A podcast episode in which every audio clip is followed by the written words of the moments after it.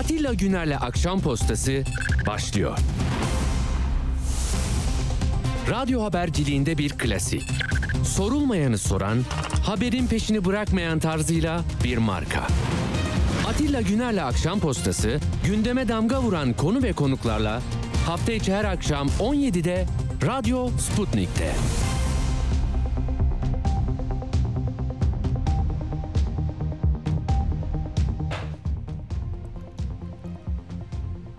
Akşam postasından hepinize iyi akşamlar. Hoş geldiniz efendim. 7 Mart'tayız. Salı günündeyiz. Necdet kulağımdaki sesi alırsa daha iyi ulaşacağım size. Şimdi düzeldi. Evet.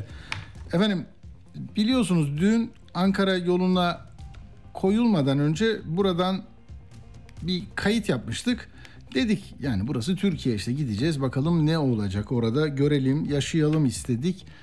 Gittik yani buradan Kemal Bey'in beşli liderler zirvesinden sonra adaylığının açıklanacağını e, tahmin ediyorduk ya değişti. Yani Türkiye'nin ne kadar hızlı değiştiğini biliyorsunuz. Buralardan yeni bir şey öğrenme ihtimaliniz yok. Biliyorsunuz. Yani bu anlaşmanın da ne kadar süreceğini, milletvekillerinin hangi illerde hangi yöntemle nasıl listeleneceğini, hangi partiye kaçar vekillik verileceğini artık e, çok ince hesaplarla ve hoşgörüyle bir ileri bir geri müzakere süreçleri yani kazan kazan ilkesi mi olur? Ee, sen ona fazla verdin, bana az verdin tartışmaları mı olur göreceğiz. Ama şimdi bizim asıl ayrıntı merakımız var. Tamam kabul ediyorum. Gazeteciler de öyle. Yani küçücük ayrıntılardan yepyeni bir habere kapı aralamamız mümkün bizim. Ama çok ayrıntılarda boğulduk bu ara.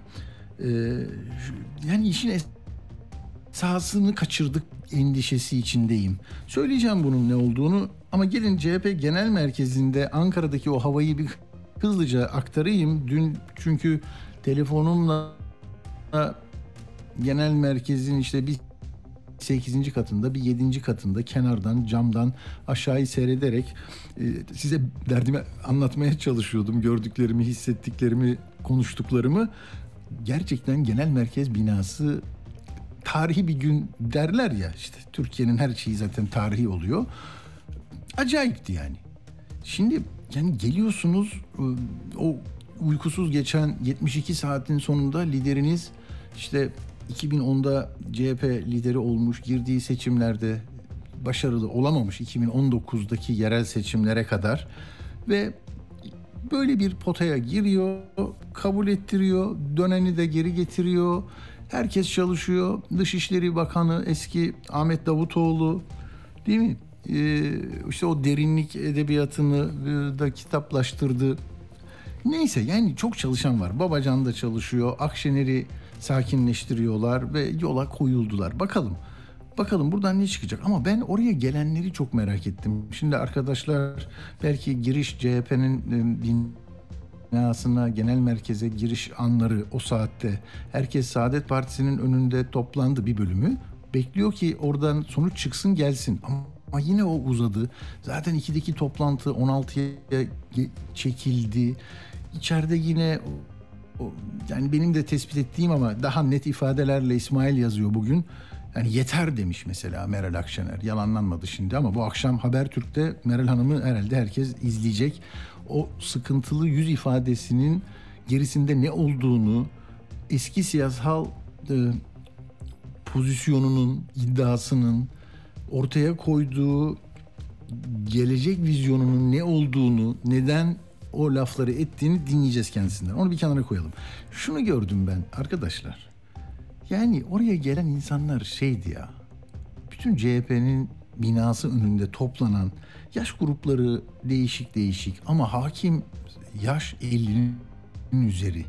Onlar bedel ödemiş insanlar. Yani bu ülkede yani bir başları dik olmadı. Yani sıkıntı yaşadılar e, acı çektiler, keyifsizler, yorgunlar, itilip kakılıyorlar, umutları köreliyor, gelecekle ilgili sıkıntıları var. İktisadi kısımlarla örtüşen böyle içsel ruhsal, psikolojik yani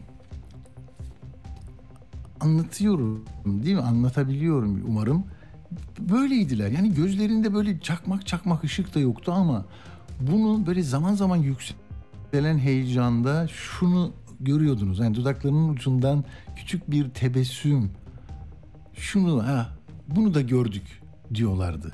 Ve bunun da tabii 14 Mayıs gecesi e, asıl bir kazanan tarafın e, mensubu olmayı, oraya aidiyet duygusuyla bağlı ama yıllarca hep yenilgi yenilgi 2023'e gelmiş, Cumhuriyet'in 100. yılına gelmiş, daha Cumhuriyet'inin 100. yaşını kutlayacak heyecanı, coşkusu yok. Tabii depremin de bunda çok büyük etkisi olduğunu kabul etmemiz lazım. Ee, ona da değineceğiz. Yani şimdi gençler var Adana'dan gelmiş, İskenderun'dan gelmiş, İzmir'den gelmiş. Orada bağırıyorlar, devrimci şarkılar da söylüyorlar, marşlar söylüyorlar.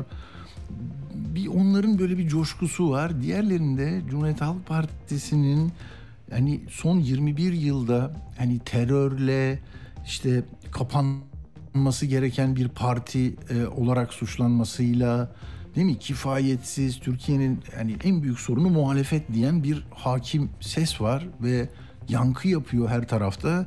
Sen artık böyle büzüşüyorsun tamam mı? Köşendesin ve umut vadeden bir şey de yok diye konuşuluyor. Ya bu bir şey de çıkmaz artık ne yapalım böyle gidecek bunu da değiştirmek zor. Böyle bir umutsuzluk pompalanmış. Neyse yani bunların ortasında ben CHP'lilerle de konuştum. İşte orada toplantı uzun sürüyor ya Saadet'te. Ya Meral Hanım yine mi bir şey yaptı diye bir laf çıkıyor mesela. Herkes kıpraşıyor. Böyle yani hakikaten görmüş geçirmiş böyle Erzincanlı, Malatyalı, e, yaşlı demeyelim de hani 50'nin 60'ın üzerindeki insanlar e, yani bir, bir, bir şey olacak endişesi gibi gördüm ben ya. Bu, bunun insani kısmının da sosyolojik, psikolojik açıklamaları mutlaka vardır, araştırmaları vardır da e, ilk kez bir adım atıldı. Ama o adımın bile ne kadar sağlam olduğundan endişeli. Hani tay tay giden çocuk böyle tak düşer ya anne baba yanında durur buraya sağa sola vurmasın diye elini sobaya çarpmasın diye. Hani böyle Kemal Bey'in yeniden bir ayağa kalkan e, eski kuvvetini arayan birisinin e, serüvenini izliyorlar. Gençler tamam coşkulular, genç kızlar var, genç erkekler var. Onların e, heyecanlı olduğunu görüyordum. Ama binada tabii böyle yani CHP'nin bir de şimdi kızarlar bana ama CHP'nin kendinden menkul bir şeyi var. Böyle hani dağınıklık içinde e, yürüyor tamam mı? Mesela koordinasyon vesaire bunları hakikaten öğrenmesi e, zaman alıyor. Yaptığı güzel şeyler de oldu ama yani burada mesela ses düzeni kurmuşlar. Biz Kemal Bey'in konuşmasını yankı nedeniyle iki ayrı e, ses yansıtıcı hoparlörden gelen sesler birbirleriyle boğuştuğu için biz dinleyemedik biliyor musunuz? Yani orada olup da siz televizyonda daha iyi dinlediniz. Sonra orada mesela gıda, iaşe falan onları çok düşünmemişler. Sigara çok içiyorlar. Ya ne bu sigara ya? Bir merdiven asansörü kullanamıyorsun. Herkes girmiş. Herkesin CHP'de bir tanıdığı var tamam mı? 100 yıllık parti abi. Tamam mı? Yani meclis üyesinden gidersin, muhtardan gidersin, memleketli bir milletvekiline telefon açarsın, girersin. İçeride internet bölümünde çalışan arkadaşım vardır. Herkes girmiş içeriye. Kapıda polisler var. Diyorlar ki giremezsiniz. Ha bu arada CHP'nin polislerini biliyor musunuz? Üzerlerindeki kıyafetler dikkat edin e, Kemal Bey'in yanında da yakın çevresinde de öyle. Reklam falan değil bu bir hikayeyi anlatış tarzı diye düşünün. Ee, The North Face marka tamam mı? Amerikan markası çok da pahalı falan böyle. Onun montları var. Pantolonları var. Böyle güzel. E, onun fotoğrafı da var. Arda koyduysa şimdi görüyor musunuz onu? Var mı o Arda? Onu ayrıca bir yerden çekip, çekip de koy. Heh, şimdi böyle bak belinde tabancası var. İşte North Face var altı üstü şık ayakkabıları. Ben bunu da sordum dedim ya bu nasıl devletin polisi mi? Devletin polisi. E, kıyafeti ne? CHP mi alıyor bunu? İşte CHP adına bazı arkadaşlar alıyor gibi bir cevap. Anladınız mı? Onu da derler yani bir iş adamı gelir e, bağış yapar. İşte ya bizim polisler böyle görünsün, devletin polisi bunu giysinler diye. İlginç yani bilmiyorum. Bakalım bundan sonra da konvoyları onlar mı yapacak? Yani e, orada da eleştiri olur. Dikkat edecekler. Ben ne, ne diyorum? Yani küçük insani şeyler söylüyorum. Orada açıkta kaldılar. Ya o gün kandildi mesela. CHP'de şöyle bir şey var. Bunu dinleyenler CHP'de bir daha beni CHP etkinliklerini de almazlar ama Mesela Kandil simidinde zaten Saadet Partisi'nde açıklama olacaktı 17'de. E o gün de Kandil yani açlıkta çekilecek belli saatlerce sürecek pazarlık. Ya bir kandil simiti 4000 5000 alamıyor musunuz yani büyük şehirden bilmem Çankaya Belediyesi'nden 3-5 fırından versinler alsınlar herkeslere dağıtabilirdiniz. Mesela hani gitti gidiyor oluyor ya işler. Yani onu bağlayacak böyle yukarıdan görecek e, şeyler, e, bakışlara ihtiyaç var. E, yani orada da su içebilirlerdi, daha iyi olabilirlerdi. Peki Şimdi oradaki insanlar özne olmak istiyor. Çok itiş kakış edilmişler. Bakın yüzlerinden anlıyorsunuz. Böyle Trakyalı işte Elazığ'dan gelmiş böyle yüzünde çizik çizik şey var. Yani darbeler, itiş kakışlar, mahkemeler, sürgünler, bir şeyler. Hadi işte Tuncelili Kemal Kılıçdaroğlu'na yüklendi bütün bu özlem, e, arzu edilen her şey. Bakalım ne olacak? E, hep birlikte göreceğiz. E, umutlu olduklarını, büyük çoğunluğun umutlu olduğunu görüyorum. Ama siyaset bu tabii. Neyi konuşuyoruz şimdi? Hani bir, bir, bir, bir puan farkıyla şampiyon olmayı e, işte kupayı kaldırıp e, etkinlikler yapmayı, heyecanlanmayı falan e, böyle çok hani gol, pas böyle şeylerle yapılıyor sanki burada. Ayrıldın gel buraya bu oyuncuyu Galatasaray Fenerbahçe'ye gidecekti oradan oraya kaçma ihtimali vardı. İkna ettiler geri getirdiler. Öyle büyük transferler olurdu eskiden çok uğraşılırdı. Ha böyle kalıyor. Yani ne istiyoruz peki? Yani demokrasi, adalet hangi temelde olacağız biz ya? Biz ayrı ayrıyız, farklıyız ama birleşerek neyi inşa edeceğiz? 21 yılın işte bilmem kaç senesinde yeniden biçimlendirilen devlet kurumları, insan kaynakları, hedefler, onlara konulan hedefler ne kadar sapmaya yol açtıysa, ne kadar sıkıntılıysa neyle düzelteceğiz? O 2500 maddenin içinde var. Ararsan bulursun da her türlü davranışın böyle olmasında fayda var. Ee, inşallah e, o gece e, dün akşam yani o soğukta bekleyerek e, ısınmaya çalışarak açlığa rağmen e, o umudu umudu hissetmek isteyenlerin günü olur. Onlar kendilerini iyi hissederler diye düşünüyorum. Yani bir demokrasi ittifakıyla gidilecek yeni bir Türkiye başka bir şey yoksa işte bak bir kıpraşırsan tekne devrilir sen de gidersin biz de gideriz herkes burada dursun işte gidiyoruz gidelim yani limana yetişe çıkabilirsek çıkacağız gibi hani böyle çok yapay ve gündelik işlerle olmaması lazım. Bir derinlik istiyor. Plan, pusula, kaptan, kaptan köşkü her neyse e, onları göreceğiz hep birlikte. İşte Kılıçdaroğlu son kez kürsüye geldiğinde de e, bugün ihtiyaç bu zaten. Partilerden ayrıştı, partisinden ayrıştı. Baktım kürsünün arkasına Türk bayrağı koymuşlar. Orada CHP'nin altı okuda e, görünmüyor. İşte e, ne dedi? Meral Hanım'la ilgili ne diyeceği merak ediliyordu. Meral Hanım'ın yüzü çok konuşuldu, edildi de. Yani insan evladı be. Yani bu bunu da nasıl gizlersin? Yani bir, bir, bir posta koyup gidiyorsun. Sonra diyorsun ki ya biz yanlış yerde yanlış şeyler söylemişiz. Bunu düzeltmemiz lazım diye başka araya insanlar giriyor. CHP ile İyi Parti'nin ortaklaştığı bir havuz var. Oradaki insanlar çok uğraşıyor. Ama başkaları bugün yazmış işte Amerika devreye girdi falan. Böyle akıl almaz, deli saçması şeyler. Onu tabii en enteresanı şu. Mesela bu ilk Meral Hanım kalktığı zaman masadan ertesi gün sabah gazetesi şöyle demişti. Masa dağıldı, batı üzüldü diye gazetelerden New York Times böyle dedi. işte şu böyle dedi diye yazmışlardı. Yani şimdi de vay masa toparlandı batının yüzü gülüyor falan tamam mı? Yani hep böyle batı merkezli bizle ilgisi yok yani biz yokuz içinde tamam mı insan olarak. Hani biz kendi ülkemizde bize sıkıntı verdiğini düşündüğümüz yönetim anlayışını değiştirecek irademiz, gücümüz, kapasitemiz, anlayışımız, aklımız, beynimiz, ruhumuz yok. Yani biz bunu istediğimizde tamamen batının, doğunun, sağın, solun adamı oluyoruz. Olacak şey değil. Yani böyle bakıyorlar. Hadi bir Kılıçdaroğlu'nun sesini dinleyelim. Ben yani burada şu şunu anlatmaya çalışıyorum ben. Ee, ihtiyaç ne? İhtiyacı karşılayacak olanlar kendilerini nasıl tarif ediyorlar? Bu zorlu yolda nasıl gidecekler? Vay geri döndü diye Meral Hanım'a kızalım mı? Yani neyi neden vazgeçti Kemal Bey? Şimdi böyle konuşmalar var, böyle tartışmalar var. Acaba Meral Hanım gitti, gelmemesi iyi olurdu. Niye geldi diyen böyle daha sol renkli, solun renklerinden oluşan bir tavır var. Diğeri diyor ki ya olmadan HDP olmadan olmaz. Bunlar ayrı ayrı da olsa buraya şu ya da bu nedenle destek olacaklar.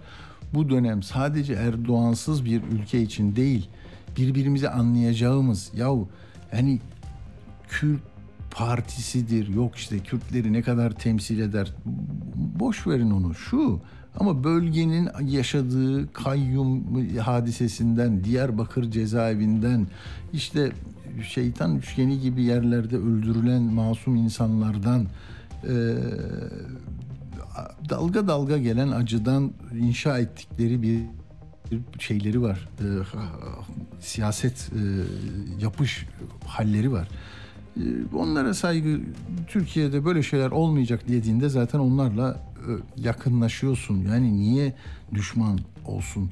Düne kadar ikna odalarında örtülerini çıkarmak için e, çalıştı denilenler Cumhuriyet Halk Partisi'nde milletvekiliydi. Şimdi yoklar.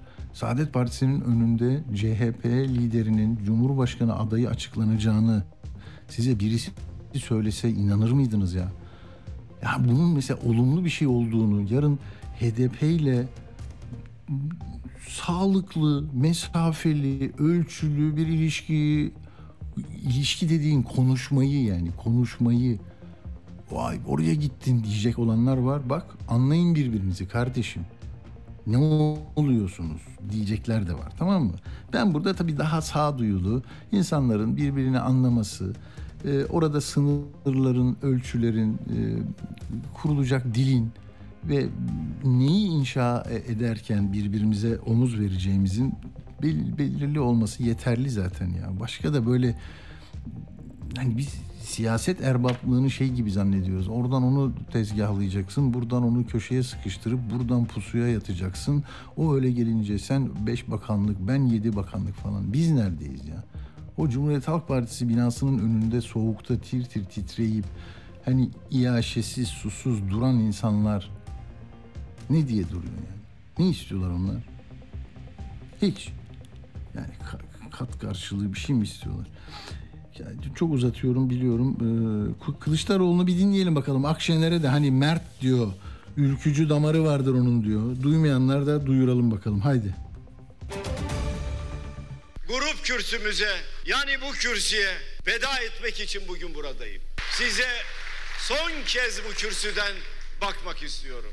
İyi Parti'nin Sayın Genel Başkanı Meral Hanım merttir. Büyük mücadeleler veriyor. Ve bu bilinsin istiyorum.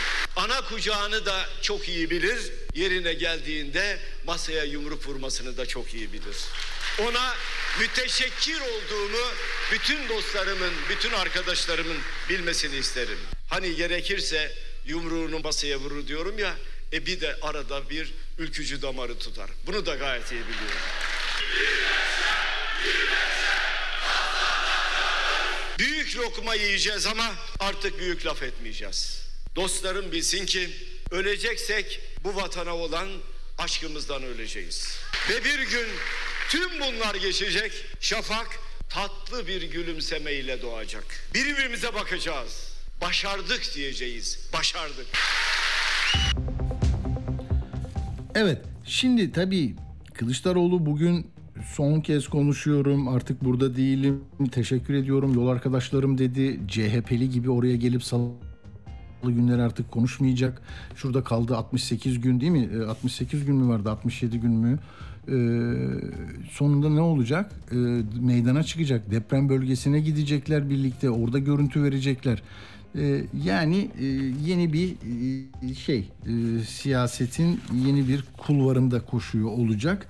Ama partiyi de bir yandan bırakmıyor. Bakın bu hani 12 maddelik metine imza attılar ya tam da zaten Babacan ya nereden çıktı bu Ekrem İmamoğlu ve Mansur Yavaş'ın Cumhurbaşkanlığı yardımcılığı diyerek hani kendisinin onunla eşitlenmesini, eski bir başbakanın eşitlenmesini istememiş. O yüzden oradaki toplantı akşam 9'a kadar sürdü. Bir ara hani odalara girmişler yeter demiş. Davutoğlu bu metni ortaya kotarınca e, yine e, yani ikinci kez direkten dönmüş diyelim Akşener. Ama bakın burada 10. madde var. Geçiş sürecinin tamamlanmasıyla birlikte mevcut Cumhurbaşkanı'nın varsa siyasi parti üyeliği sona erecektir. Ne diyor? Geçiş sürecinin tamamlanması. Bu var ya ucu çok açık bir şey. Çünkü sen kaç milletvekili çıkardın? Orhan Bursalı diyor ki bugün bu bu rüzgar diyor 360 vekili aşar diyor. Bilmiyorum ben pek emin değilim. Yani bugün bunu böyle söylüyor olabiliriz. Yarın başka bir şey çıkabilir. Ee, ama ne demek bu? Partiyi yani boş bırakmıyor. O taraf da onda. Ne zaman bitecek peki geçiş süreci? Nasıl tamamlanacak? Oo geleceğiz. Üstünde e, yani değişikliğe yeter. Referandum için 360 üzeri, 400 üzeri referandumsuz kabul edilecek anayasa değişikliği, parlamenter sistem, ondan sonra Cumhurbaşkanlığı ve meclisteki görev süresi tamamlanacak ve partisinden ayrılacak. Oraya da o zaman yeni birisini işaret edecek. O genel başkan olacak. Ee, yani burada kendisinin lehine olan pek çok mesele olduğu gibi Kılıçdaroğlu bunu da e, bence sakinliğiyle, o sessiz gücüyle muazzam sabır e, taşıymış. Yani ben birkaç birka, birkaç kişiden daha dinledim. Olacak şey değil. E, yani sakin olun dermiş. Böyle kendisi büyük bir mücadeleye girdiği kişi, kurumla ilgili başkaları endişe edip korkarken o hep ya sakin olun bu da geçer. Bana şuradan bağlar mısınız o, o milletvekilimiz aramış beni deyip hemen böyle sakinleştirici bir güç. Dolayısıyla ancak zaten o böyle 13 aylık bir maratonda kendisini Cumhurbaşkanı adayı olarak ilan ettirir. Masadan kalkanı da oturtabilir. Yani başka türlü olabilir miydi bu? Evet ama e, hocamız bağlandı mı Emre Bey? Peki ben bir şey daha bant daha vereyim o zaman çok önemli arkadaşlar. Eski Ülke Ocakları Başkanı Alaaddin Aldemir Sinan Çetin'i öldüren o çetelere benzer bir çetenin Kemal Bey'i ya da bu liderlerden birisi üzerine salınacağını iddia etti. Yani tüyler ürperten bir iddia. Halk TV'de İsmail'in konuydu ve onu bir dinleyelim. Herkesi uyardı. Bence çok ciddi. Ara dönem mi yaşatmak istiyorsun? Bu cümleden şunu söylemek istiyorum. Hmm. Diyorlar ki sandık güvenliği. Sandık güvenliğinden önce Millet İttifakı'nı oluşturan altı liderin güvenliği, can güvenliği her şeyden önemli. Duyumlarım var. Duyumlarım var. Allah bir mafya grubunun üzerinden Sayın Kılıçdaroğlu'na bir hamle yapılacağıyla ilgili duyumlarım var. Genel başkana ben vermeden burada bu haberi vermeden sizle paylaşıyorum. Yani bir mafya grubunun üzerinden inana yaptıkları gibi bir uyuşturucu grubunun üzerinden bir şeyler duyuyorum. Liderlere yönelik. Sakın ha. Allah muhafaza. Sakın ha. Önemli bir sivil toplumun başındaki bir dostumuz. Bu ülkücü değil. Dedi ki böyle böyle ciddi bir yerden duyum aldım. Genel başkana uyar. Siyasiler uyar. Aradan iki gün geçti. Gece beni tekrar aradı. Gece 11 filandı. Teyit edildi. Aman tedbir alın. Şimdi ben de diyorum ki böyle bir duyum aldık. Gerçektir değildir. Tedbir almakla yükümlüsünüz. Yetkililer. Eğer engel bu işi böyle bir şey varsa engel olmazsanız bu işin ortağısınız. Çok net söylüyorum. Evet bu uyarı hafife alınacak bir uyarı değil. Bunu söyleyen eski Ülke Ocakları Genel Başkanı Alaaddin Aldemir İsmail'in programında söyledi ve e, yani bunun umarım ilgilisi, yetkilisi bu, bu, bu konuda bilgi sahibidir. E, gereğini yapacaklardır diye düşünüyorum.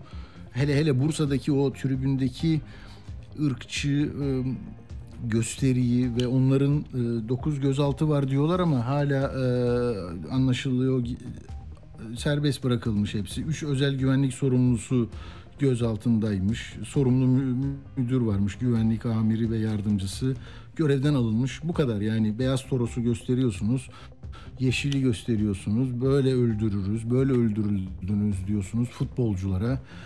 Neyse sonra orada Bahçeli'nin de Ahmet Spor yoktur lafı çok kritik bir laf arkadaşlar. Bence yani mesela HDP diye bir parti yoktur derken yasal bütün süreçlerden geçmiş 6 milyon oy almış bir partinin vekillerini burada görmek istemiyorum diyorsunuz. Belediye başkanını koltuğunda görmek istemiyorum bir saniye bile diyorsunuz. O bölgenin takımı var. İsmi yine 2015'te kesinleşmiş Türkiye Futbol Federasyonu tarafından açtık baktık anlatırım. Yani orada diyorsunuz bu da olmaz. Ya bu hukuk, adalet, kural, nizam. Yani neye göre peki? Yani sizin söylediklerinizden mi çıkaracağız biz? Nasıl bir tutum ve nasıl bir örgütlenme içinde olalım? Yani Anayasa Mahkemesi özgürlüklerin lehine bir karar verdiğinde kapatın orayı sen hep teröristi mi savunuyorsun diyen anlayışla Türkiye'nin geldiği yer burası. İşte CHP Genel Merkezi'nin önünde benim gördüğüm o yorgun insanlar hakikaten bu şamarlardan bağışlayın beni ama yani bu dilden bu böyle baskıcı anlayıştan sessizlik olacak laflarından böyle silmişler. Hani buradan iyi bir şey çıkma umudu bile böyle sallantıda duruyor sanki. Yani birisi bozabilir bunu. Öyle bir ruh hali vermişler insanlara. Çok konuştum yine. Profesör Emre Erdoğan hocamız hattımızda. Hocam merhaba, hoş geldiniz. Merhabalar, hoş bulduk. Ee, hocam şimdi 72 saatin ayrıntılarından biz bir şey öğrenmeli miyiz? Öğrensek bizim hayatımıza nasıl iyi bir e, demokratik, özgürlükçü e, bir e, ülkeye sahip olmamıza yarıyor mu? Yoksa sen geldin, gittin, saat o da gidiyor. Ara- Nasıl bakıyorsunuz hocam?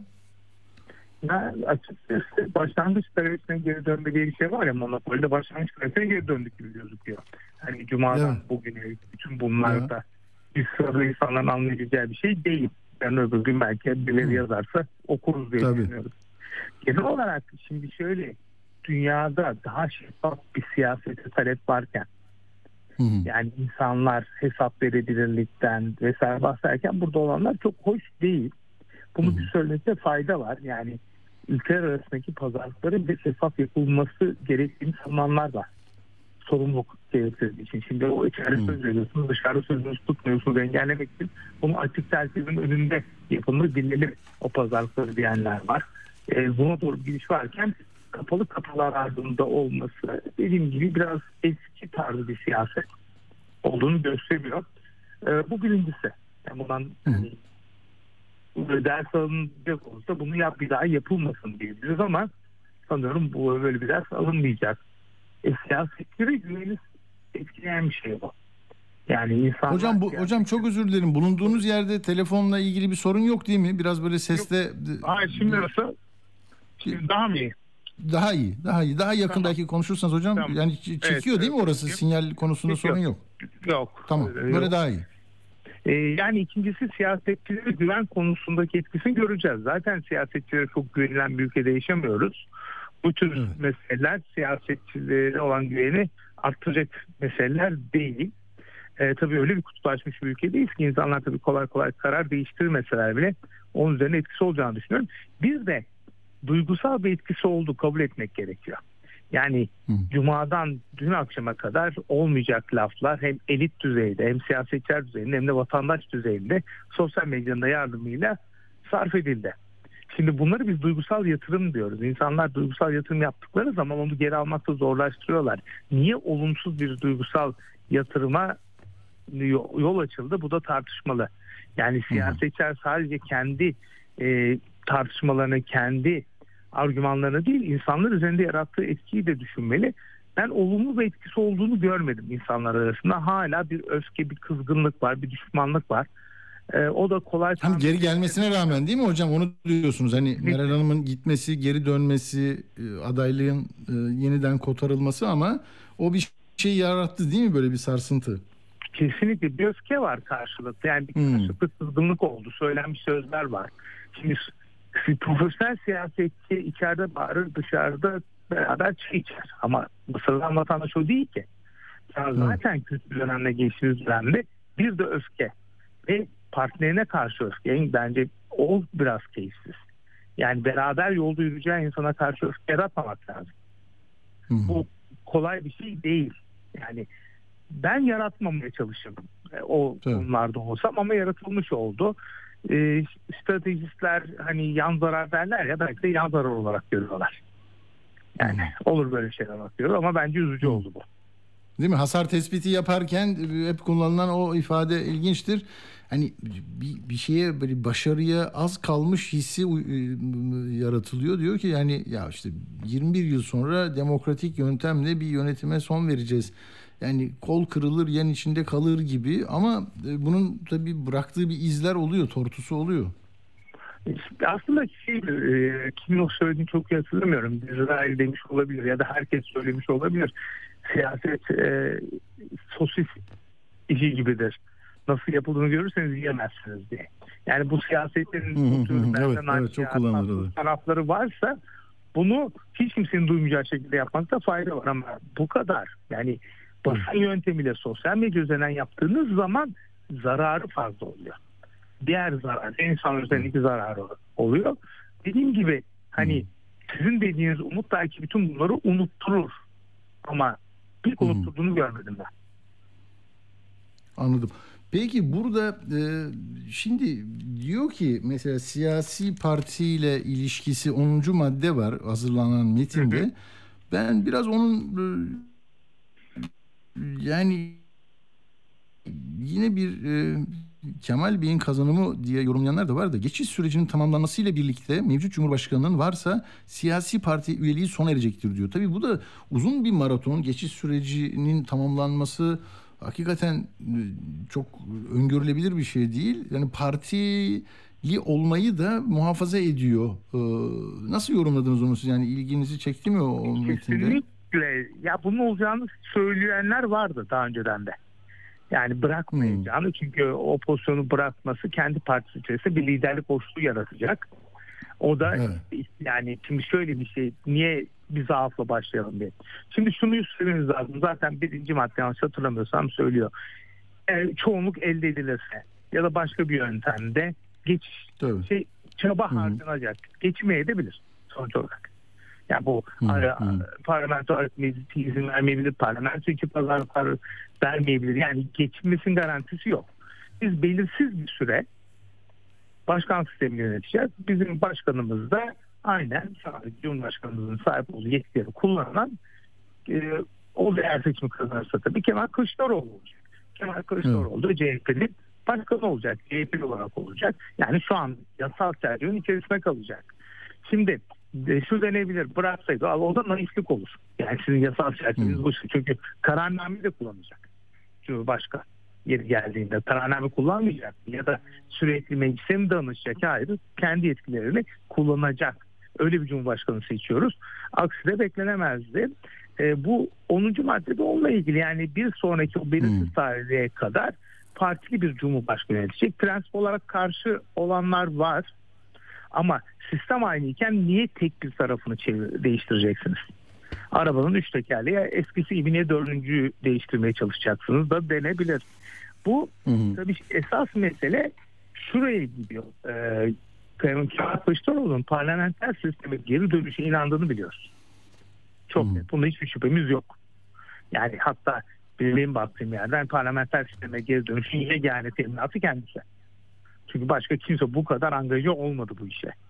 Herkes Türkiye'de ya dönmesek de olura dönebilir. Şimdi bunun süreci belli değil. Parlamentoda yapılabilir. Dediğim gibi e, şey e, artık bazı şeyler hayal gibi konuşulmaya başladı. Ondan da emin olamıyorum. Benim gözümde o senaryo canlanmıyor. Cumhurbaşkanlığı hükümet sistemindeyiz. Birden anayasa değişecek. Birden başkanlık sistemine geçiş, parlamenter sisteme giriş yapacağız. O zaman da kim başbakan olacak? Cumhurbaşkanı, Cumhurbaşkanı o zaman da birinci çoğunluk partisinin Cumhurbaşkanına atanır. Ya bu seçmenin AK Parti birinci parti çıkarsa? Hı. İşte ona, Ama bir mi seçim diyecek? daha var değil mi? Bir yerel seçim olacak bundan sonra. e, Yerel seçim olacak, bu, evet. bu mesele birleşecek birkaç seçim daha göreceğiz hocam herhalde. Şimdi şöyle bir şey, bunun temizi anayasayı değiştirirsiniz referandum ya da referandumsuz. Ondan sonra seçime gidersiniz. Hatta bazı arkadaşlarımız derler ki her meclis anayasa yapamaz. Kurucu meclis vesaire ben o kadar detaya girmiyorum ama Tabii siz anayasayı değiştirirsiniz. Seçime gidersiniz. Parlamenter seçime geçersiniz. Ama benim dediğim senaryo küçümsenecek bir senaryo değil ki. Garantisi yok ki. Ya birinci parti AK Parti olursa ve anayasa değişikliği yaparsa başbakan olarak Recep Tayyip Erdoğan'ı mı atacak? Kemal Kılıçdaroğlu. Yani dediğim gibi bunlar çok e, fantezi şeyler. Gerçekçi Hı, olan hı. şeyler değil. Bunun bir temiz yolu var. Keza işte 12. 12. madde e, ilk tane belediye başkanının belirlenen zamanda Evet. belirlenen yetkilerle atanması. Hangi yetkilerle atanması? Ben e, işte tanıdığım hukukçular sorun var diyorlar. Ben bir sorun göremedim ama hukukçu değilim. Hukukçular Tabii. sorun var diyor belediye başkanı atanmasında. Peki Hı. bu nasıl halledilecek? Peki bu e, sizin söylediğiniz gibi 2024 Mart'tan önce mi olacak mı olacak? Yani bir sürü yerde mantıksal boşlukları olan bir şeyden bahsediyoruz. Tek bir gerçek var. Burada Cumhurbaşkanı Recep Tayyip Erdoğan'a meydan okuyan Kemal Kılıçdaroğlu var. O gidecek. Hı hı. E, gidebilirse gene Kemal Kılıçdaroğlu gelecek. Gerisini ben spekülasyon olarak görüyorum. Yani şeyi bile hayal edemiyorum. 7 5 tane Cumhurbaşkanı yardımcısı nasıl çalışacaklar biliyorsunuz. Öyle bir yasamız yok bizim Cumhurbaşkanı yardımcısının yetkileri diye. Öyle bir e, boşluk var. Nasıl çalışacaklar aralarındaki hiyerarşi ne olacak? Bunların beşi birden Milli Güvenlik Konseyi üyesi olacaklar. Öyle yazıyor. E, Milli Güvenlik Kurulu. Yani çok karışık Hı. onlar.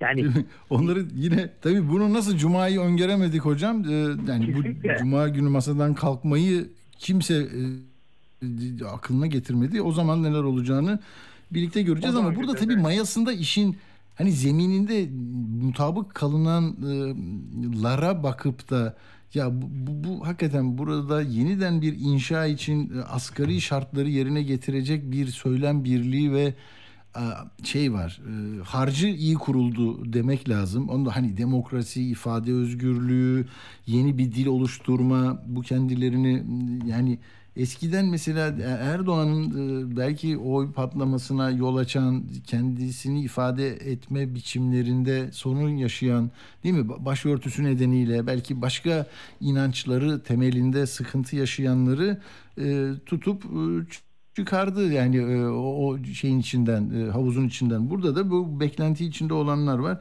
Ama ben başka bir, bir- bir- uzatmayacağım hocam. Şimdi bir beş dakikamız var. Bir tartışmayı görüyorum. Saadet Partisi binasının önünde olduğu için Bülent Turan mesela partililer isim çok önemli değil burada ama yetkili temsil kabiliyeti var. Diyor ki tek parti ve darbe dönemleri hariç iktidar olamayan CHP adayının milli görüşün güya temsilcisi SP'de e, Saadet'te açıklama yapması için e, yapması Saadet için tarihi utançtır.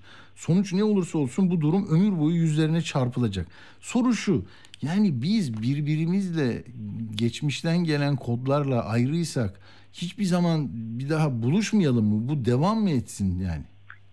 Şimdi şöyle bir şey var sık sık anlatılır Ee, İspanya'da Franco'nun ölümünden sonra malum kendisi diktatörlükle e, yönetti çok uzun süre bir yumuşak geçişe ihtiyaç kaldı çünkü e, İspanyol demokrasisi de çok sağlam bir demokrasi değil ve bir Evet. suskunluk paktı diye bir kavram ortaya attılar. Dediler ki yani Hmm. iç savaşta bir sürü şey oldu. Çok acı şeyler oldu. Ama şimdi biz işimizi bu 70'lerin ortası bunları soru tartışmaya mı ayıralım?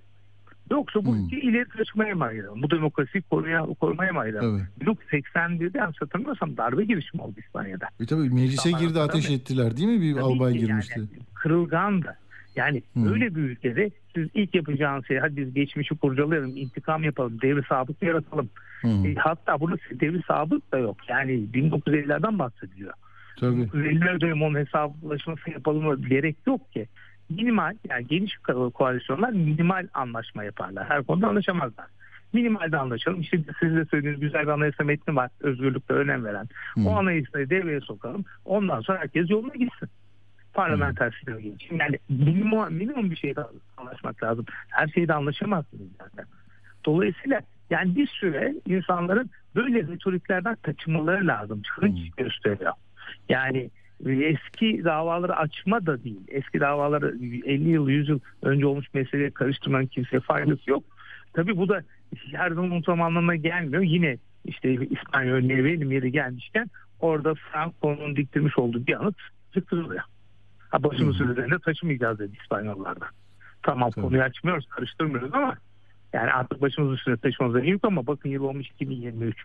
1981'den bahsediyoruz. 40 sene sonra dediler. Hemen Evet. Fransız koculara karşı bir intikama geçse Fransa İspanyol demokrasi bir şey olmaz.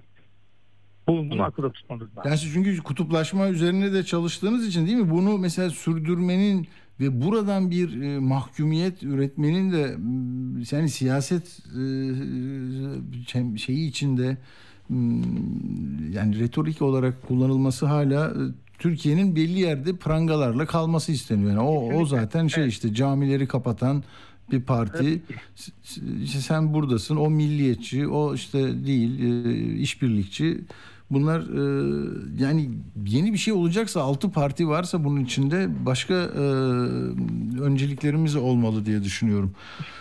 minimal önceliklerimiz olmalı. İşte zaten ülke yeni bir deprem atlatmış büyük bir acı içerisindeyken yani bunun e, kar, karıştırmasına hiç gerek yok.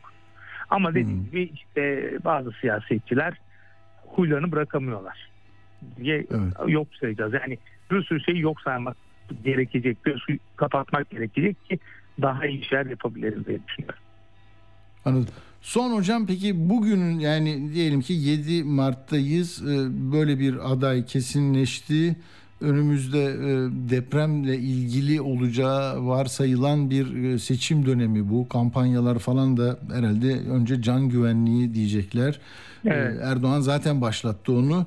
Orada bir son 3 dakikada ne dersiniz? Yani seçime doğru hem vatandaşın seçmen davranışlarının nasıl etkileneceği bundan ne öngörüyorsunuz? Şimdi şöyle hani e, bi- bizim deneyimlerimizi değil de başka ülke deneyimlerimize baktığımızda böyle büyük felaketler iki etki yaratırlar. Bunlardan bir tanesi bayrağın etrafına toplanma. etkisi, Evet. Birlik yaratırlar. E, bu bize pek olmuyor. Ya da şöyle bir etki yaratırlar. Devlet olan güven, millet olan güven çöker. İyice kutuplaşma olur. Bizde ikinci eğilim biraz daha fazla. Yani biz e, birleşmede pek başarılı olamadık. Acılar birleştirir derler. O acılar bizi Hmm. birleştirmedi. Yani sivil toplum kuruluşumuzdan başladık. O ne olduğunu Tabii. bir sürü şeyde o kutuplaşmaları keskinleştiren bir söylem oldu. Bu çok hayırlı bir şey değil. Peki ne olur? İşte kutuplaşmış bir ülkede her zaman şunu varsayıyorsunuz. İnsanlar son anda karar değiştirmezler. Karşı Hmm. tarafın ge- geçmezler. Çünkü biraz önce bahsettiğim duygusal yatırım orada da vardır. Yıllarca Galatasaray taraftarı olarak bildikten sonra birden Fenerbahçe olmak kolay değil. Bunu izah edersiniz. Aynısı bizde de takım taraftarına dönüştüğü için parti taraftarları kolay kolay değiştirmezler. Evet, evet. Ama bilinmediğini ben söyleyeyim. Yani şu anda bilmiyoruz. Hemen de bilemeyiz. Hani bugün bir anket yapsa da bilemeyiz. tabii. Çünkü bu oturacak.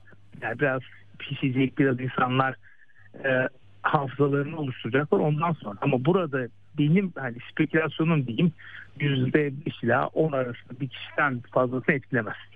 En Hı. fazla 5-10 puanlık bir şey olur. Bunun bir kısmı sandığa gitmeyecekse sandığa gitmeye karar verebilir. Bir kısmı sandığa gidecekse sandığa gitmemeye karar verebilir. Dengeleyebilir. Yani çok kutuplaşmanın böyle bir yan etkisi var. Biraz donduruyor siyaseti. Yani ondan kolay çıkılmıyor. Doğru. Doğru. Peki o zaman izleyeceğiz, göreceğiz. Ee, çok teşekkür Evet. ediyorum Profesör Emre Erdoğan hocamıza. Sağ olun efendim. Çok teşekkür ederim. Kolay gelsin. Sağ olun. Evet, e, hocamızın e, çok önemli o söylediği. E, çünkü seçmenlerin katılım iradesi giderek zayıflıyor. Hani Fransa'da da böyle oldu, İspanya'da öyle oldu, pek çok ülkede e, artık yani sandığa gitmeyi siz biriniz geliyorsunuz, biriniz gidiyorsunuz. Asıl değişimi göremiyorum diyerek kendi e, oyuyla arzularının yerine gelmesine katkı sunabileceğini düşünemiyor insanlar. Yani ne olacak yani gitsem değişmiyor gibi. Şimdi e, bu e, Kemal Bey'in e, adaylığının hani bir direkten dönmesi önce olamadı sonra oldu tamam yüzler asıldı vesaire ama e, dediğim gibi o CHP genel merkezinin önünde Saadet'in önünde bekleyenler nezdinde e, bir kıpırdanmaya heyecana o hasret kaldıkları ya yapabiliriz değiştirebiliriz çalışabiliriz duygusunu yaratıyor. E, Peki saadet meselesine girmişken o bant gelmiştir. Arda en son onu hazırlıyordu. E, Halk TV'de belki 40 dakika önce gördüm onu. Mustafa Kaya, Saadet Genel Başkan Yardımcısı. Tabii pek çok koldan e, yani milli görüşün devamı olduğunu söyleyen Erbakan'ın kurduğu bir e, değil mi tam Milli Nizam Partisi'nden beri gelen partileri kapatılıp açılan kapatılıp açılan hani bir Kürt siyasetinde bu e, hepler, hadepler, dehaplardan bir benzeri de onlar çektiler yani. Ne olursa olsun kendini ifade etmek için parti kuruyordu. Sen ne yapacaksın dediler. İşte kapandı etti. Şimdi e, o diyenlerin e, en çok gönül verdiği partinin şimdiki 2023'deki genel başkanını o binanın önünde ilan ettiler. Yani ev sahibi Temel Karamollaoğlu. Neresinden baksan yani bir ülkenin tarihinde gerçekten gelinen yer açısından hiç endişe yaratıcı gelmez bana. Ama bazıları ya siyaseten ya da böyle herkes anlaşırsa yani şimdi Kürtlerin kendilerini onurlu bir yurttaş olarak görmesinin önünde bir engel varsa ki bunu Demirel'den İnönü'ye, Erdoğan'dan Gül'e herkes söyledi. İki çözüm diye ortaya bir şey atıldı değil mi? Yani yakınlaşma, etme. İşte 2000 e, Ahmet isminin gelmesi de onun akabinde olmuş. Yani kendileri demişler ki buranın toprakların adı Ahmet diye biliniyor. Ta Urartulardan bilmem neden yani biz de bu, bunu diyeceğiz. Ne var bunda? Ama ona işte itirazlar vesaire. Neyse şunu demek istiyorum. Yani yakınlaşmak tek olmak değil ki. Yani anlamak taleplerin e, makul olup olmadığı konusunda toplumun bir ortak yargıya varması ya. Şimdi baksana Dilipak diyor ki olmaz olmaz deme olmaz ol, ol, olmaz. Akşener işte Saadet Partisi CHP Genel Başkanı'nı 3 aylarda Berat Kandili'nde Millet İttifakı'nın Cumhurbaşkanı adayı olarak takdim ediyor. Kimine göre bu bir kıyamet alametidir. Yani gülücük koymuş Abdurrahman Dilipak. İşte Aylin Nazlı Aka mesela e, şeyle Saadet Kadın Kolları Başkanı ile yan yana. Yani dün dün böyle şeyler olmazdı. Bundan bundan hani bir yaramazlık çıkarmak ne olur bilmiyorum. Ee, işte ona cevap verdi ee, Mustafa Kaya. Bir dinleyelim. Az önce CNN şey Halk TV'de gördüm. Bakın çok enteresan bir cevap hakkını kullanmış oluyorlar. O ifade çaresizliğin bir ifadesi olarak görüyorum. Bülent Turan'ın yaptığı açıklamayı. Bir çaresizlik, bir endişe, bir korku. Toplumun bir araya gelmesinden niye rahatsızsın Bülent Turan? Asıl utanç duyması gerekenler dindar kimlikleriyle bilindikleri halde dinin sorgulamasına sebep olanlardır. Asıl utanç duyması gerekenler dindar kimlikleriyle bilindikleri halde haksızlıkların, hukuksuzlukların, adaletsizliklerin zirve yaptığı bir dönemde elde ettikleri makamları, geldikleri makamları kazanılmış kale olarak görenlerdir. Milli Görüş Hareketi 50 yıllık siyasi tarihinde 73-74'te Cumhuriyet Halk Partisi ile koalisyon kurdu. Kıbrıs Barış Harekatı'nın altına imza attı. 91 yılında Alparslan Türkeş ile rahmetli ile Alparslan Türkeş rahmetli Refah Partisi'nin listesinden milletvekili oldu. 96-97'de Doğru Yol Partisi ile koalisyon kurduk. Bizim bugün bulunduğumuz atmosfer bulunduğumuz ittifak 50 yıllık siyasi tarihimizin bir yansıması. Asıl utanç duyması gerekenler varsa 2002 yılında Erbakan Hoca'yı arkasından hançerleyerek gidip farklı odaklarla işbirliği yapıp ondan sonra da bugün dönüp Erbakan Hoca hayatını kaybettikten sonra Erbakancılık oynayanlardır. Evet bu da Saadet Partisi'nin Bülent Turan'a Adalet ve Kalkınma Partisi Meclis Grup Başkan Vekilinin hani utanç duyacak Saadet bundan lafına verdiği yanıt e, diye not alın. E, önemli çünkü artık birlikte Kemal Bey'in kazanmasına katkı sunmak isteyen bir siyasal parti ve milli görüş gömleğini çıkardığını söyleyip bu yola yeni bir partiyle e, Adalet ve Kalkınma Partisi'ni kuranların yani hem Erbakan'a çok önem veriyor e, görünümü hem de şimdiki e, yönetim kadrosunu böyle bir utanılacak iş yapan ekip diye tanımlaması da e, geçti tarihin sayfalarına. Şimdi ya medyada ne oluyor, ne yazıyorlar? Yılmaz Özdil'in hani gideceğini duymuştuk. Bugün de yazısını yazmış. Ee, onu gördünüz mü bilmiyorum. Yılmaz Özdil de diyor ki CHP'liler benle uğraştılar. Ben böyle zaten burayı kurup gidecektim. Genel müdür bile değilim ben diyor ki ama bir sürü o şeyde genel müdür olduğuna dair ifadeler vardı. Ee, şunu diyor ki görevden der, derhal uzaklaştırılmam için bir saniye bile görevde kalmamam için CHP yönetiminin adını kullanarak aleyhime kampanya başlatılmasına üzülmedim desem yalan olur diye anlatıyor uzun uzun. Yani biliyorsunuz bu Sözcü TV 1 Mart'ta başladı. Tam da bu kriz patladı ikisinde. İşte Akşener masayı terk etmedi. O itildi, kakıldı, onun için kalktı diyordu ve hep İyi Partililer çıkıyordu. CHP'liler de hani sözcünün e, nereye hani sözcünün nerede duracağına onun dışındakiler mi karar veriyor anlamadım yani. Ekrem İmamoğlu Akbay ailesinin annesinin işte ailenin büyüğünün evine yok bir denetim için birisini göndermiş de ondan sonra İmamoğlu'nun hiç haberi girmedi Sözcü gazetesinde. Kestiler bütün haberleri. Sonra bir araya birileri girdi. Şey yaptılar. Hani Cumhurbaşkanlığı adaylığında İmamoğlu'nu mu destekliyorsun Kemal Bey'i mi gibi böyle o cephede bir ayrışma oldu belli ki. Sonra onlar barıştılar. Bu, bu kez de e, yani Akşener'le ilgili kısımda Kemal Bey ile arasında mesafe olduğu biliniyor Yılmaz Özdil'in. Biliyorsunuz hani bu ortak mutabakat metni açıklandığında uzun bir metindi. Saatler sürdü. Selvi Hanım e, gözü kapalıydı bir, bir dakika hastaymış. O fotoğrafın altına işte heyecan yarattı bak dünkü toplantı demişti. Oradan da CHP'liler kızmış. Neyse yani durdu durumumuz bu ya. Bir alt yazı geçiyor dönemin başbakanı Fatih ne geçiyor oradan ya? Bahçeli ne demiş orada? Baksana, baksana ya şunlara böyle şey mi olur? Yani bir alt yazı geçiyor. Tamam efendim şimdi baktırıyorum falan. Ya bu medya dediğiniz hadise hani bu kadar iç içe girerse, bu kadar müdahaleye açık olursa hakikaten işini yapamaz yani. Ya sen ya nelerini gördük be kardeşim. Yani nelerini gördük ya. Neyse şimdi onlar zamanı değil de konuşuruz bir gün. Ee, şey e, başka işte Fatih Altaylı'nın hani diyor ki Kılıçdaroğlu'nun yeni bir sınavı, sınavı var diyor. Cumhurbaşkanı seçilmesi halinde genel başkanlığı bırakacağını net biçimde yeniden açıklamak zorundadır diyor. Halbuki 10. madde var artık öyle bir şey yok.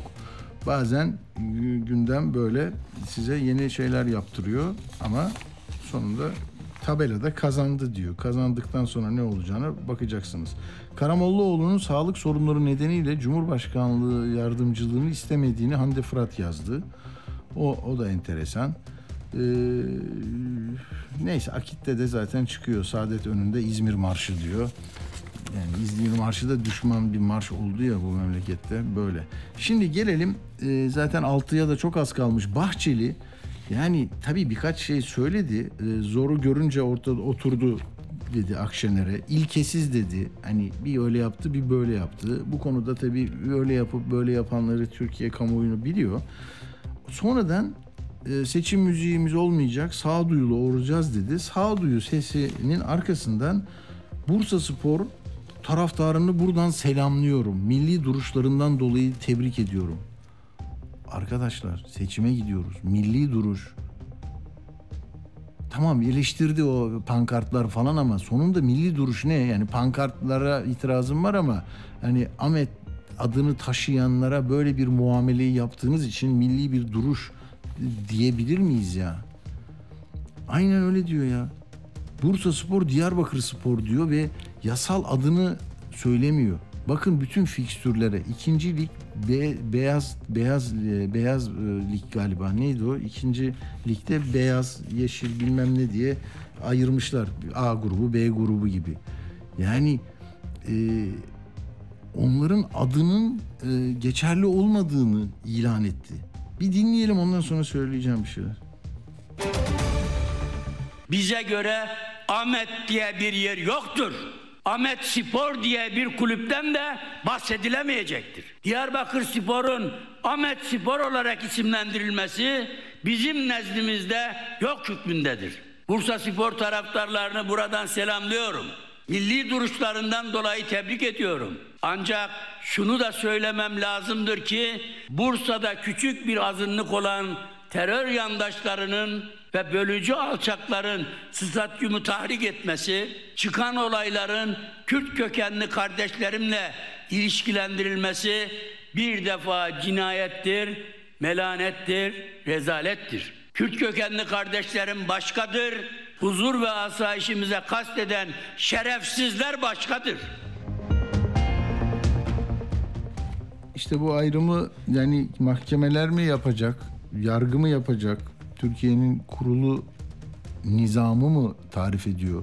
Kimin hangi adı alacağını. Yani ben mesela bilmem ne spor dersem bunu nasıl tescil ettiriyorum? Fotoğrafları var. Ben Uğur'a göndermiştim. 2015'te nasıl e, Türkiye Futbol Federasyonu'na gidilmiş ve federasyon bunu tasdik etmiş, yayınlamış ve o 2015'ten beri ne, işte ne oluyor? 8 yıldır bununla yürütüyorlar. Al kulübün yeni ismi Ahmet Spor. Ee, Diyarbakır Büyükşehir Belediye Sarayı Belediye Spor'muş adı. Tarihi de burada 2015-2016'ya bununla çıkacaksınız diye 6 Eylül 2015'te e, bitmiş. Yani şimdi burada bugüne kadar durduk da seçime yakın bir zamanda hem de bu kötülüklerin üzerine bu söylenir mi? Şimdi Ahmet Spor'la da konuşacağız.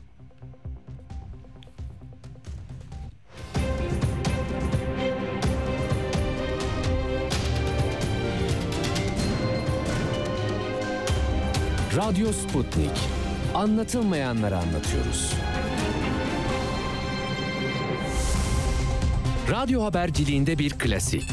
Sorulmayanı soran, haberin peşini bırakmayan tarzıyla bir marka. Atilla Güner'le Akşam Postası, gündeme damga vuran konu ve konuklarla hafta içi her akşam 17'de Radyo Sputnik'te. Atilla Güner'le Akşam Postası devam ediyor. Yani şimdi bak şimdi neyi tartışacağız? Hani bir de Norşin vardı ya biliyorsunuz Norşin. Gür oymak mıydı adı değişmişti. Yani orada da mesela açılım yaparken yani sizi anlıyoruz. Buranın işte binlerce yıldır adı buymuş. Kullanabilirsiniz demek başka. Ondan sonra hayır o ismi verip tekrar geri almak. Hayır değişti artık hayatımız kardeşim olmaz böyle bir şey. Hani azınlıkların mesela mülkleriyle ilgili de hani Yunanistan'la bir sorunlar olduğu zaman çok sayıda yerin, e, mülkün sahipliğini Yargıtay'daki bir kararla değiştirip hepsine el konuldu. Sonradan Erdoğan yine bir işte Batı ile Avrupa Birliği ile ilişkiler aman şimdi zaman böyle deyip orada yeni bir hukuk oluşturuldu ve iade edildi. Büyük Adadaki efendim nedir? Yetimhane, Rum yetimhanesinin tapusunu törenle verdiler. Karaköy'deki Rum İlkokulu öyle, Yeniköy'de öyle. Yani Ermenilerin bazı mülkleri vardı. Yani şimdi hukuk tamam mı? İstediğinizde istediği şekilde getirilebilen e, temel hak ve hürriyetler, özgürlükler, mülkiyet hakkı, işte insan e, haklarına uygunluk falan çoğu zaman böyle darbe yiyor. Şimdi diyor ki Asurlar, Romalılar, Bizanslar da kullanılıyor. Burası 9000 yıllık kent ve bunu değiştirdik ismini böyle yaptık diyor. Tamam Ahmet yaptık kabul edildi oynuyoruz. Yahu niye peki bizim e, sembollerle e, bir mücadele ediyoruz biz? İsim böyle olsun. Ya Kürtçe isim verilmiyordu onlar da değişmedi mi? Şimdi herkesin istediği ismi koyabildiği bir yerdeyiz. Hani böyle e, şey saçma sapan bir şey olmazsa yani Kürtçe anlamı var. Adam koyuyor. Ne istiyorsunuz bilmiyorum ki. Ee, böyle dolayısıyla e, çok sıkıntılı. Yahu kayyum atandı ya ondan sonra demiş ki kayyumla gelen sonra aday olmuştu galiba o Atilla soyadı Atilla. De, demiş ki demiş bak Ahmet Spor olursa ismini size para yardımı yapamayız. Kulüp zor durumda. bunu değiştirin. Diyarbakır Spor yapın verelim. Hayır demişler. Yani her şeyimiz gitti bizim bir tane kulübümüz kaldı. Onun da mı ismini değiştiriyorsunuz diye hiçbir şey olmamış. Yasal bir sorun da olmamış. Yani şimdi şiddetle iç içe girmiş bir meseleyi milli duruş diye Türkiye seçime giderken söylemenin makul bir tarafı var mı? Aa, dengelemek için öbür tarafta yok işte Kürt kardeşlerimiz öyledir ama işte terörist şerefsizler vardır falan. Ya onlar mahkemenin işi zaten. Sen bunları aynı cümle aynı paragrafta kullandığın zaman zaten kafa karışıklığıyla kalan tortu ne? Al şimdi Afyon'a gidecekler. Bak önümüzdeki hafta ben baktım fikstüre Afyon'da jandarma komutanı biz gereğini yapıyoruz e, Kuzey Irak'ta orada burada sahada siz burada yenin bunları dedi geldi konuşma yaptı özür diledi sonra. Afyon'daki il jandarma alay komutanı hala görevde değil mi? Ha? O, o arkadaş orada işte. E ne, ne demişti bak burada buldum. Mersin'de yaşadığımız terör eyleminden sonra gönlümden geçeni söylüyorum diyor. Bak Afyon oyuncularına 5-0. Eze eze yenersiniz buradan göndeririz. Gönlümüz sizlerle. Sizin işiniz futbol oynamak. Siz çok iyi yapıyorsunuz. Geri kalanı bize bırakın. Yani bak topyekin mücadele var. Sen sadece ayak topuyla kaleye gol atacaksın. Ben asker olarak onlara ya ne demek ya? Bu arka planda bu var kardeşim. Bunu böyle örtülü örtülü yapmayın. Bu çocuklar bu, bu ülkenin çocuklarının geldiği yerde jandarma komutanı böyle diyor ve adam görevde hala. Özür dilettiler falan filan. E şimdi bak bu cumartesi günü Afyon Spor Diyarbakır'a gidecek. Ahmet'le maçı var. Peki e, mütevelli heyeti üyesi Ahmet Spor'un Metin Kılavuz hattımızda. Merhaba Metin Bey. Merhaba, iyi yayınlar diliyorum. Teşekkür ederim. Sağ olun, geçmiş olsun. Siz de böyle zaten acıların takımı e, olarak deplasmana da seyircisiz gidiyorsunuz, koşturuyorsunuz. Baktım üçüncü sırada mı, dördüncü sıradasınız. Yani puanınız da fena değil değil mi? E, yani hepimize geçmiş olsun. Öncelikle öyle söyleyeyim. Tabii. E, tabii ki Ahmet Spor üzerinden geliştirilen böyle şöven milliyetçi bir dalga var. Bunu da anlayabiliyoruz. Aslında bu sadece Ahmet Spor'la ilgili de değil. Bunu bu şekilde açıklarsak dar kalır. Bir bütün hmm. olarak e, özellikle son siyasal sürece baktığımız zaman 10 yılı ele alırsak en yakın güncel 10 yılı ele aldığımızda e, mevcut iktidarın e, kendini siyasetten var etmede milliyetçiliği nasıl e, kullandığını hepimiz görüyoruz, tanılı oluyoruz. Hmm. Bunun örnekleri çok. İşte dün Konya'daki Dedeoğulları ailesinden tutun İzmir'deki Deniz Poyraz'ın katliamına evet. kadar. Bir bütün olarak da burada Kürtler kriminalize edilmek isteniyor. Yani e, Kürtler Metin Bey siz Bursa'da mıydınız? Bursa'ya gittiniz mi? Bursa'da var mıydınız? Gitmedim ama ben e, canlı hmm. izledim. Yönetici arkadaşlarla hmm. da birlikte takip ediyorduk süreci. Yani, Tam ne olmuş hakikaten arkadaşlarınız anlatır belki ama siz böyle hani uzaktan da görüntülerden ben de izledim de sizin daha fazla bilginiz vardır. Hani kamu görevlisi o stat'tan sorumlu olanların da e, ihmali olduğu söyleniyor. Üç kişiyi uzaklaştırmışlar. Ama o e, Beyaz Toros'la Yeşil Mahmut Yıldırım meselesi çok kritik. Onları kim açmış falan onu öğrenebiliyor mu avukatlarınız? Ya şöyle bir şey yani öncelikle şunu söyleyeyim yani maçta yaşanan maç öncesi maç esnasında ve sonrasında yaşanan olayları 3-5 tane gencin böyle holiganizm ve fanatizm ile açıklamak hmm. e, Türkiye'nin geleceği açısından e, spor açısından doğru olmaz. Çok ciddi bir hazırlık hareketinin olduğu görülüyor yani. Düşünün yani hatırlanırsa gençlik yıllarımızda hepimizin 19 Mayıs e, törenlerinden önce gençler günlerce alınır tribünlerde işte ne yapacağı ezberletilirdi. Tribünlere bakmak bile yeterlidir yani. Gerçekten çok ciddi yani biz şuna hmm. seviniyoruz. Yani mağlubiyete, puan kaybı artık çok da önemli değil bizler için. Ee, gerçekten çok ciddi bir can kaybıyla karşı karşıya kaldık kulüp orada. Yani sahaya kurşun atıldı, bıçak atıldı, şiş atıldı. Sapanla giren taraftar gördük. Yani sapanla almış eline e, futbolcuların nişanlayacak şekilde yani böyle bir şey sporda nasıl olur? Oluyor işte Türkiye'de oluyor. Sadece spor alandan mı oluyor? Hayır. Toroslara Tabii. gelince yani şimdi Toros demek ne demek? Nedir? Bakın şimdi Bekir İzmir'den dinleyicimiz var bizim. Bekir diyor ki ben söyledim ama o kaçırmış. Daha önce söylemiştim pazartesi e, söylemiştim. E, Beyaz Toros deyince ne anlatılıyor? Sizde bıraktığı e, Beyaz Toros'un sizin anılarınızda, zihninizde bıraktığı iz nedir? Yani tabii öncelikle de genç arkadaşlar belki o süreçleri bilmez. Yani bölgede bulunanlar bilir. Tabii. Çünkü yakınlarını yitirdikleri için hafıza taze. Tabii, tabii. Batı yakasındakiler için şu anlama geliyor. Özellikle göz altında kullanılan faili meçhul cinayetlerde e, bir araç simgesidir. Yani örneğin işte bölgede 17 bin tane faili meçhul cinayetten bahsediliyor. Yine Ya bu arabaya bindiriyorlar değil mi? Daha özlüsü değil mi? Bir arabaya bindiriyorlar. Bu kamuya ait midir, kimindir belli değil. Sivil plakalı ama o insandan bir de haber alamıyorsunuz. Hayır, hayır Avrupa İnsan Hakları Mahkemesi'nde birçok karar örneği var yani bunun buradaki birçok o dönemlerde yaşam hakkı, yargısı, infaz, faili meçhul cinayetlerin e, devletin yaşam hakkını ihlaliyle ilgili kararlar var. Yani Hı.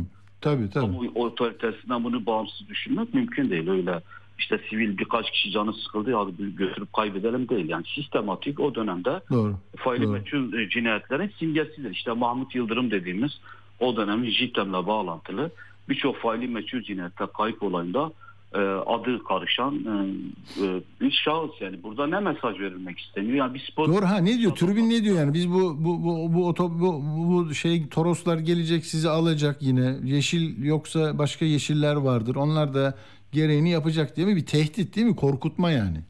Ya bugünkü Bahçeli'nin konuşması işte bunun ne olduğunun e, teydidir yani e, itirafıdır yani milli duygulardır yani.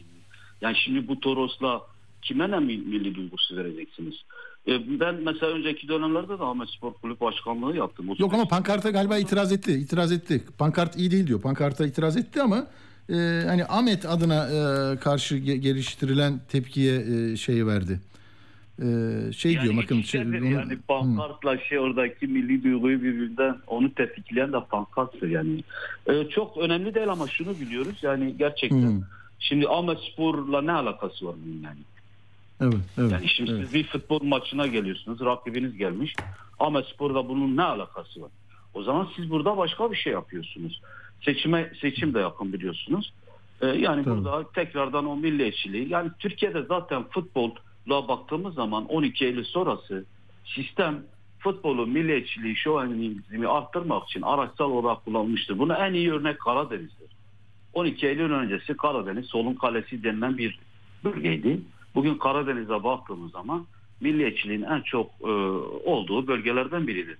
Yani şunu diyoruz bu hiç kimseye bir şey kazandırmaz. Gerçekten kazandırmaz. Bugün Ahmet ismi yani şimdi tarih kitaplarına geçmiş. Yani siz bir şehrin Evet. 10 bin yıllık tarihini ismini e, yoktur demekle yok mu olacak? Yani? Hayır bir de kendiniz koy, koy- koyuyorsunuz, onay alıyorsunuz. Baktım ben 2015'te sekiz- onaylanmış. 8 yıldır Ahmet Spor Futbol Federasyonu'nda tescillenmiş. Her yılda Futbol Federasyonu belki bilmeyenler için söylüyorum. E, maç oynamanız için ulusal lisans almanız gerekiyor. Birçok kriteri var onun. Her yılda lis- lisansını almış. Yeşil Tabii. sahalarda mücadele eden bir kulüptür. Yani Kendi sahası Diyarbakır'da yenilenen bir stat var hani büyük bir stat. O mu? Ee, Orada mı yapıyorsunuz maçları? Evet evet Diyarbakır Stadyumunda 33 bin kişilik statta maçlar Ya. yürütülüyor. Yani inkarla artık Türkiye bir yere varamaz. Mevcut sistemin şunu artık görmesi gerekiyor. Farklılıklarımız da farklılıklarımızı zenginlik olarak görüp yani şimdi Kürtleri tartışıyorsunuz. Güzel kardeşim 1071'de Kürtler size Anadolu'nun haklarını verdi ya. Biraz el infa, insaf ya. Yani gerçekten. Anladım ama şimdi bak futboldan tabii siz de mecburen buralara gidiyorsunuz. Aslında Biz orada dost, dostluk konuyu açmak, değil mi? Açınca da biz bunları da söylemek durumundayız yani. yani yani kurulmuş bir, biz değiliz. bir- anladım ama kentin takımı sp- spor kuralları belli. Nasıl gol oluyor, nasıl offside oluyor belli. Nasıl izin alınıyor belli. Şimdi bunu şurada durmak lazım. Yani şey anlamda diyorum çerçeveyi iyi koymak lazım. Yani buna e, taşkınlıklarla e, çözüm bulamayız. Yasal bir is- isme itiraz ederek ve e, tribünleri yani sırtını sıvazlayarak çare olamayız. Dolayısıyla birbirimizi anlayacağız ve sporu e, önemseyeceğiz. Bu da spor barışı ve kardeşliği e, te- temel alır. Yani burada ayrışmanın şeyi olabilir mi? Dolayısıyla ben yani bu vesileyle bizi Bursa'da da, da çok dinleyenler var. Ee, Evet evet anlayabiliyorum. yani Sinan Ateş'in e, e, Bursalı olduğunu bir... Tabii buyurun. Yani tabii ki biz anlayabiliyoruz. Yani konuşurken dil, üslup önemlidir. Yani biz de onları ifade ediyoruz. Yani diyoruz ki gerek yok bunlara bunları tartışmak. Artık Türkiye'nin şey yoktur yani bunda bir gelecek açısından menfaati yoktur. Evet, ya evet. düşünün sporda rekabette eşitlik dediğimiz bir kural vardır değil mi? Yani yani sporda Evet. rekabette eşitliği sağlamazsanız o sporun yapmış olduğunuz sporun bir anlamı bir karşılığı olmaz.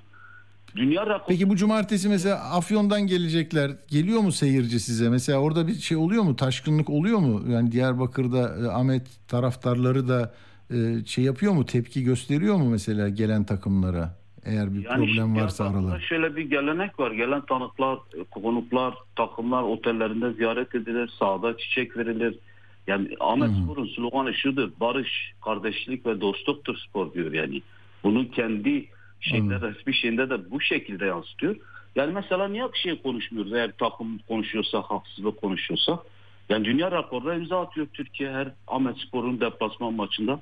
Yani düşünün %35 haftadır Ahmet Spor'un taraftarı e, hiçbir deplasman maçında takımlarını destekleyemiyor. Evet. E, olur mu yani? Şimdi bu adil bir yaklaşım bilir. O yüzden herkesi aklı selim olmaya davet ediyoruz. Tamam. Yani Biz Türkiye'de de buradan bu- onu yapmış bu- olalım. Yani Bursa'dan da dinleyenler var. Yarın yine yine maçlar oynanacak. Ee, Onun için herkes sporun Ahmet e, o Kurt'un güzel bir lafı vardı onu e, ana rapta söyleyeyim. Yani e, futbol e, masada değil sahada güzeldir.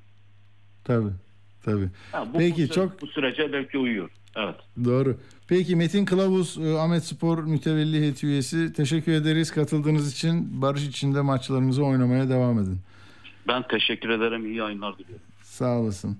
Evet şimdi e, deprem gündemi bitmiyor arkadaşlar ve acı e, e, belki bir dönem orayla aynı duygudaşlık içindeydik ama sonra kendi siyasetimize, geleceğimize, ülkemizi kimin yöneteceğine mi e, daha yoğunlaştık bilmiyorum. Hemen konumuzu bağlayacağız şimdi. Yeni bir kampanya başladı. Ona geçeceğim ama önce bakın bugün yine Kayseri'de deprem olmuş. Maraş'ta 12.40'da 4 4.4. Kayseri'de e, yine 5 dakika sonra e, 4.7. Sonra 4.4. Şimdi Sivas'ta oldu biraz önce 4.2. Bir bunlar var. Bir de yağış var deprem bölgesinde. ihtiyaç var. Su ihtiyacı var. Ee, insanların çadırla ilgili sorunları var. Yağış geldi. Ee, o yani barınma sorunlarını görüyoruz. Bir de e, yani canını kaybetmiş, ailesini kaybetmiş, evladını kaybetmiş insanlar var. Bunları e, yani yaşayanları anlamaya çalışsak bile ne kadarını anlayabiliriz ki? Çok zor, çok zor. Ama e, bunu belki bir deprem duyarlılığını geliştiren, insan merkezli, daha dikkatli, binayı denetleyen, bu şebekelere, çetelere, rantçılara e, kapı e, açacağım diye insan hayatını bu, e, hiçe sayan anlayışları durdurması bile e, anca bizim çabamızla olacak. İnanın kimse 99'dan beri bunu böyle sürdürdüklerine göre hiçbir e, insan hayatının kıymeti yok onların gözünde. Bunu kurallara bağlayanların da denetlemediklerini gördüğünüzde ortaya zaten herkes böyle ne bileyim işte bir paylaşma yani ortaya çıkan e, şeyleri paylaşma dışında bir şeyi gözetmiyor. E, şimdi ben e, bizzat tanımadım ama çok dost dostları Can Can ee, Hatice Hanım e, avukat e, şimdi e, oğlu e, Eren Can e, onlar adına ben bir seslerini de kesmiştim bir televizyonda duymuştum çok etkilenmiştim Ee, bir kampanyayı ortaya koydular ben de etkilendim daha çok insana ulaşsın diye pencerende bir mum yak dün 21'de başladı ee, bunu konuşacağız Eren Can'la. Merhaba, hoş geldiniz Eren Bey. Merhabalar, hoş bulduk. Önce başınız sağ olsun diyelim. Acınıza e, yani nasıl iyi gelir insan ne diyeceğini bilemiyor ama e, siz de e, bu, bu, bu meseleyi önünüze nasıl getirdiniz? Nasıl paydaşları kimler? Buradan yani muradınızın ne olduğunu belki dinleyicilerle paylaşmak istersiniz. Teşekkür ediyorum. Ee, aslında şu şekilde oldu. Hani e, depremi yaşadıktan sonra ve anne babamı kaybettikten sonra e, benim gibi yakınını kaybeden birçok insanla bir duygu ortaklığı yaşadık. Birbirimizi hiç tanımasak da bir şekilde iletişim kurduk. Ve e, Evet. bu duygu ortaklığını hep beraber yaşadık. Bir yandan da aslında e, yani bu yaşadığımız e, ve yaşayamadığımız yazla ilgili hani ne yapabiliriz? Yani Evet. en azından bütün bir toplumun e, bu acıyı ortaklaştırabilmesi ve bu acıdan, bu e, kederimizden hani daha umutlu yarınlara çıkabilecek ne yapabiliriz diye düşünürken e, işte pencerende hı. bir mum yak çıktı ortaya. E, bu şekilde oluştu. E, Peki dün dün ilk defa oldu. Ee, Mesela nasıl geri geri dönüşler oldu mu? Sizin bilgi sahibi misiniz? Tam e, yani bilemiyorum ama hani ölç, ölçülecek bir şey değil bu. Ee, Ama insanların katılımı bu duygudaşlık e, meselesinde ne görüyorsunuz? Ya şimdi aslında hani şunu da vurgulamak lazım. Hani burada bu acıyı yaşama biçimi olarak hani mum yakmak tek hani metot değil. İsteyen tabii ki Tabii. Kendini ifade edebildiği şekilde başka şekilde e, sesini çıkararak, duasını ederek, mum yakarak kendini ifade edebiliyor. Yani çok sayıda geri dönüş oldu. E, inanılmaz e, geri dönüş oldu. Yani e, hem sosyal medyada hem e, genel olarak kamuoyunda hem de bugün mesela çağrının daha da yayıldığını e, görüyoruz. İşte bugün e, hem hekimler, tabip odası e, bu çağrıya katılacağını e, açıkladı. Hmm. Hem onun dışında e, mesela Koşuyolu Mahallesi mahalle muhtarı bugün mahallede bir alana e, çağrı yaptı. Yoğurtçu Parkı'na bir çağrı var. Hani bunun Ha, gibi Yoğurtçu Parkı'nı gördüm böyle bir metin paylaşmışsınız. Orada da yani Evet. çok sayıda insan bir araya mı gelecek böyle açık alanda? Evet evet evet yani sessizce e, hani mumlarını yakarak ve bu acıyı en azından bir ortak ruh yani bütün bir toplum Tabii. olarak hep beraber hem acımızı paylaşmak hem de dediğim gibi aslında hani toplum olarak e, toplum olarak e, girdiğimiz yani şu an içinde bulunduğumuz bu enkazdan çıkmak için de mum da bir metafor. Karanlıktan Tabii. aydınlığa o yüzden aydınlık günlere de e, umut etmek istiyoruz, geçmek istiyoruz. E, çünkü aslında hani çok sıkıntı yaşadık. Yani bunu defalarca da anlattım. Hani deprem bölgesinde yaşadığımız çaresizlik, kaderine terk edilmişlik, arama kurtarma ekibinin gelmemesi ve tabii ki bu süreçte deprem üzerinden bir ay geçti. Halen orada e, ciddi bir o- olağanüstü bir hava koşulları var. Yağmur, fırtına, e, uç yetişememesi. Yani olayı iki boyutlu gibi düşünüyorum ben. Bir yandan insanlar bize şunu soruyorlar. Hani siz yakınınızı kaybettiniz. Size ne iyi gelir? Ben hep şunu söylüyorum. En azından Antakya'daki insanlara e, hızlıca nasıl konteyner ulaştırabiliriz? Nasıl oradaki çadır sorununu hani çünkü çadır aslında çok geçici bir çözüm.